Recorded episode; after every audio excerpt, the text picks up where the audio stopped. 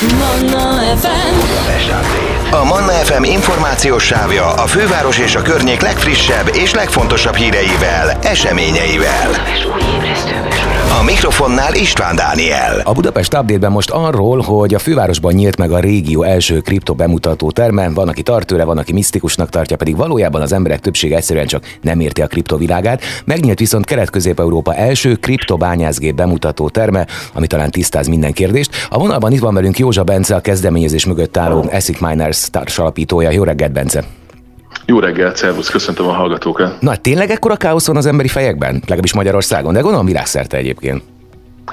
Alapvetően azért igen, tehát hiába él most már azért közöttünk bő tíz éve a kriptó, vagy élünk mi ebben a világban, azért az a helyzet, hogy még mindig egy kicsit káosz van a fejekben, és mi úgy gondoltuk, hogy alapvetően ne csak online tájékozódjon mindenki bizonytalan forrásból, hanem szerettünk volna alapvetően egy olyan helyszínt, egy olyan hagyományos teret is megteremteni erre, hogy legalábbis hiteles forrásból szakértői kezekből tudjunk embereket egy kicsit jobban bevonni a kriptó világába, általánosságban, illetve nálunk nyilván célzottan konkrétan a kriptó bányászat világába is. Nyilván konkrétan beszélünk majd a ti kezdeményezésetekről hamarosan, csak egyelőre általánosságban érdekelne az, hogy azt például pontosan tudjuk, hogy maga ez a kriptopénzőrület hova vezethető vissza?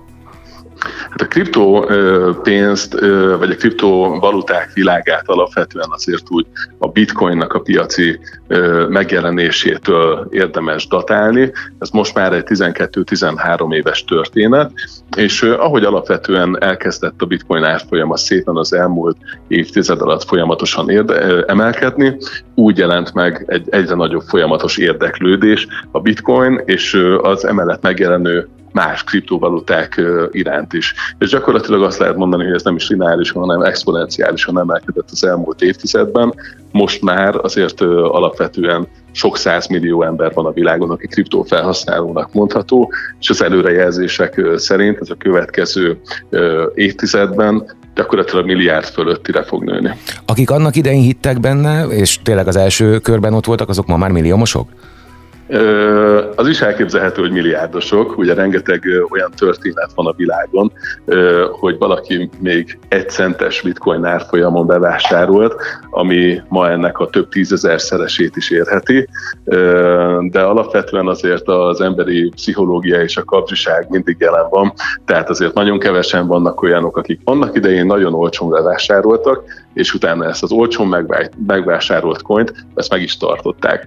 Többnyire azért valahol útközben egy, egy vonzó árfolyamon eladták a coint, de egyébként igen, van nagyon sok olyan történet, hogy valaki akár egy életre megcsinálta a szerencséjét azzal, hogy időben felült erre a vonatra. A kriptoárfolyamot is érzékenyen érintik a világban mozzajló változások? Egyértelműen igen. Egyértelműen igen. Gyakorlatilag, ahogy a tőzsdei piacok is jelenleg egy ilyen gyengélkedő stádiumban vannak, ez abszolút ugyanígy megmutatkozik a kriptópiacokon is, viszont alapvetően a kriptóban minden kódolva van, tehát éppen ezért gyakorlatilag a leginkább a bitcoin árfolyamára visszavezethető az, illetve az az, ami a legnagyobb dominanciában jelentkezik az összes kriptópiacra kihatással, és a bitcoin árfolyama az gyakorlatilag arra van predestinálva, hogy mivel a folyamatos csökkenő kibocsátás jellemzi a bitcoin algoritmusát, így ez hosszú távon kicsit az aranyhoz hasonlítva mindig emelkedik. Természetesen vannak csökkenő trendek is közben, de hogyha hosszú távon nézzük, akkor ez az árfolyam ez folyamatosan emelkedik. Tehát erre azt tudom válaszolni, hogy igen, jelenleg egy gyengébb piacon vagyunk, viszont az szinte kódolva van, hogy egy idő után a kriptópiacok és a bitcoin magára fog találni. Na beszéljünk a valódi apropóról, ami miatt hívtalak. Miért egyedülálló a ti mostani kezdeményezésetek, és mi történik a bemutatóteremben? Alapvetően nagyon, nagyon egyértelműnek tűnik az, hogy mivel egy digitális szektorról és egy digitális valutáról beszélünk, így minden online történjen. De az a helyzet, hogy nagyjából azok a azok az érdeklődők, akik digitális módon tájékozódnak kizárólag, bármivel kapcsolatban, nem csak a kriptóval kapcsolatban, ők már értesültek a a kriptóról. Ők már tudják, hogy ez az egész hogyan működik. Viszont mi azt, azt a felfedezést tettük, hogy arra jöttünk rá, hogy hatalmas rétegek vannak, akik nem ö, tudnak, vagy nem szeretnek ezeken a csatornákon keresztül információhoz jutni, vagy azt nem érzik kellően hitelesnek, esetleg ahhoz, hogy komolyabban elkezdenek kriptóval foglalkozni, és mi ezért teremtettük meg annak a lehetőségét, hogy a kriptó ö, iránt érdeklődők számára rendezvényeket, oktatásokat szervezzünk, és ezt fizikai valójában tegyük meg, ne csak, ne csak online módon.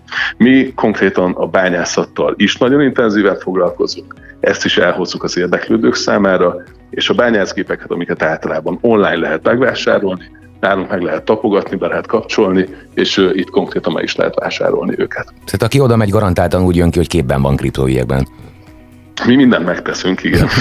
Ugye más se hallunk, mint hogy a kriptobányászat baromi drága. Ennek megfelelően komoly gépeket is igényel? Alapvetően korábban az volt a trend, vagy az volt a jellemző, hogy itt több millió forintos kezdő elköteleződés, vagy egy kezdő beruházás nélkül egyáltalán nem lehetett labdába rugni, és nem lehetett egyáltalán kriptót bányászni. Most megjelent nem annyira régen, az elmúlt egy év folyamán egy egészen új kategória, ezek az otthoni bányászgépek, és ez az, amivel ezt a belépési küszöbet, ezt jóskán lentebb lehetett tornázni, és most már ilyen akár pár száz dollártól, tehát egy ilyen pár százezer forintos belépési küszöbtől már el lehet kezdeni akár otthoni körülmények között is bányászni. Mm, akkor ez nem tűnik annyira drágának. De maga ez a bányászat, természetesen az embernek eszébe jut egy ásó, meg régen, hogy a szénbányászok ott csináltak, de valójában, és ne áruljál mindent, mert nyilván majd várjátok a, a, a érdeklődőket, de mégis nagy általánosság, ezt hogy kell elképzelni? Tehát ott van a gép, és mit bányászok, nyilván kriptót, de honnét? Nagy, alapvetően ez a következőképpen néz ki. Én azt szoktam mondani, hogy a bányászat az egy, egy metafora, vagy egy szimbólum. Tulajdonképpen nyilván nem valódi bányászat történik, hanem amit, ami történik, az az, hogy egy ilyen egy szervergép, vagy egy számítógép futtatja egy adott kriptovalutának az algoritmusát. És hogyha neked van egy olyan géped, ami futatja az adott blokkláncnak az algoritmusát, akkor te hozzájárulsz ahhoz a magad kis részével, hogy működjen ez a hálózat. Na most éppen ezért a hálózat maga úgy van kódolva, hogy téged ezért jutalmazzon, és egy kicsit innen, innen fakad tulajdonképpen ez a metafora, hogy te, illetve a géped valamilyen munkát, munkát végeztek, és éppen ezért a rendszer téged coinokkal jutalmaz. Na, alapvetően ez maga a bányászat. Mhm. Hát ez gondolom sokkal színesebben és részletesebben van terítéken nálatok. Egyébként hát nagy az igény az ilyesfajta workshopokra, vagy egyelőre még ti is csak tapogatóztok a piacon? Alapvetően nagyon nagy, a, nagyon nagy az érdeklődés. Azt kell, hogy mondjam, hogy igazából a várakozásainkat felülmúlt az érdeklődők száma, hogy mennyien szeretnék ezt valóban fizikai közelségből is megtapasztalni, illetve mennyien szeretnének eljönni a rendezvényeinkre, és mennyire még több, ami még jobban meglepett minket, hogy azon kívül, hogy ellátogatnak hozzánk a rendezvényekre, mennyien szeretnének utána vagy ott maradni, vagy egy későbbi konzultációra nálunk időpontot foglalni. Olvastam a leírásotokat, és ott számomra sajnos ismeretlen, de valószínűleg a műfaj legnagyobb neveinek a nevét olvastam. Kik ők, mert úgy volt olyan, hogy még akár velük is összefuthatunk.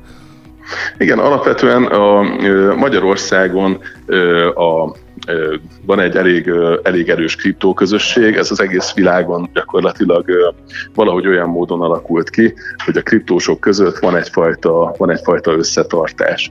És az előadók, akik nálunk rendszeresen megjelennek, ők alapvetően vagy vagy informatikai, vagy közgazdasági háttérrel rendelkező szakemberek, vagy éppen kriptófejlesztők, vagy éppen etikus hackerek, hogyha, hogyha olyan előadó az, aki nálunk szerepel.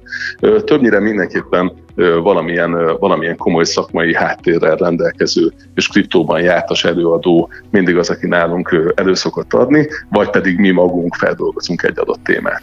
Józsa Bence, nagyon szépen köszönöm. Én már is többet tudok, mint a beszélgetésünk előtt, és akkor igazából a neten megtalálnak a hallgatók minden további. Sok sikert kívánok! Nagyon szépen köszönjük. További szép napot. Manna FM. A Manna FM információs sávja a főváros és a környék legfrissebb és legfontosabb híreivel, eseményeivel. A mikrofonnál István Dániel.